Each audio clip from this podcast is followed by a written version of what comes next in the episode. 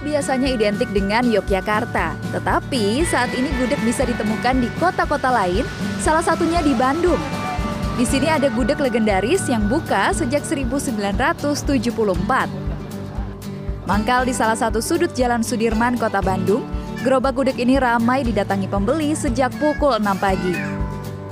Dalam waktu sekitar 3 jam saja, 500 porsi gudeg ludes diborong mereka yang mencari sarapan.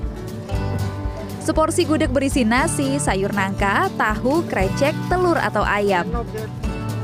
Jika di tempat asalnya gudeg bercita rasa manis, rasa gudeg di sini disesuaikan dengan lidah orang Jawa Barat.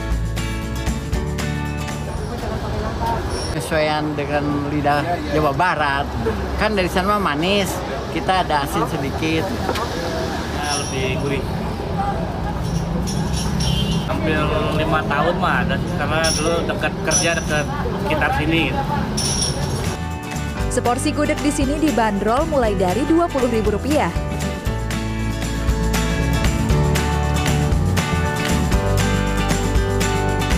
Terbang ke Jawa Tengah, ada kuliner legendaris berikutnya di Kabupaten Boyolali.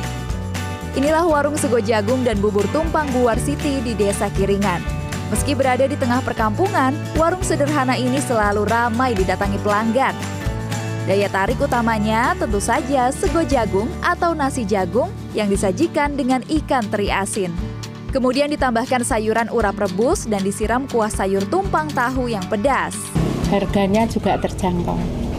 Mas ini gerehnya itu lain, rasa sambal letoknya juga lain.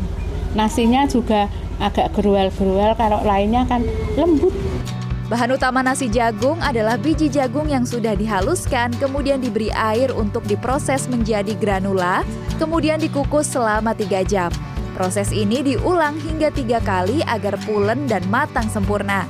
Satu porsi sego jagung dengan isian lengkap dijual dengan harga Rp10.000. Warung ini bisa menjual ratusan porsi dalam sehari. Tim Liputan CNN Indonesia.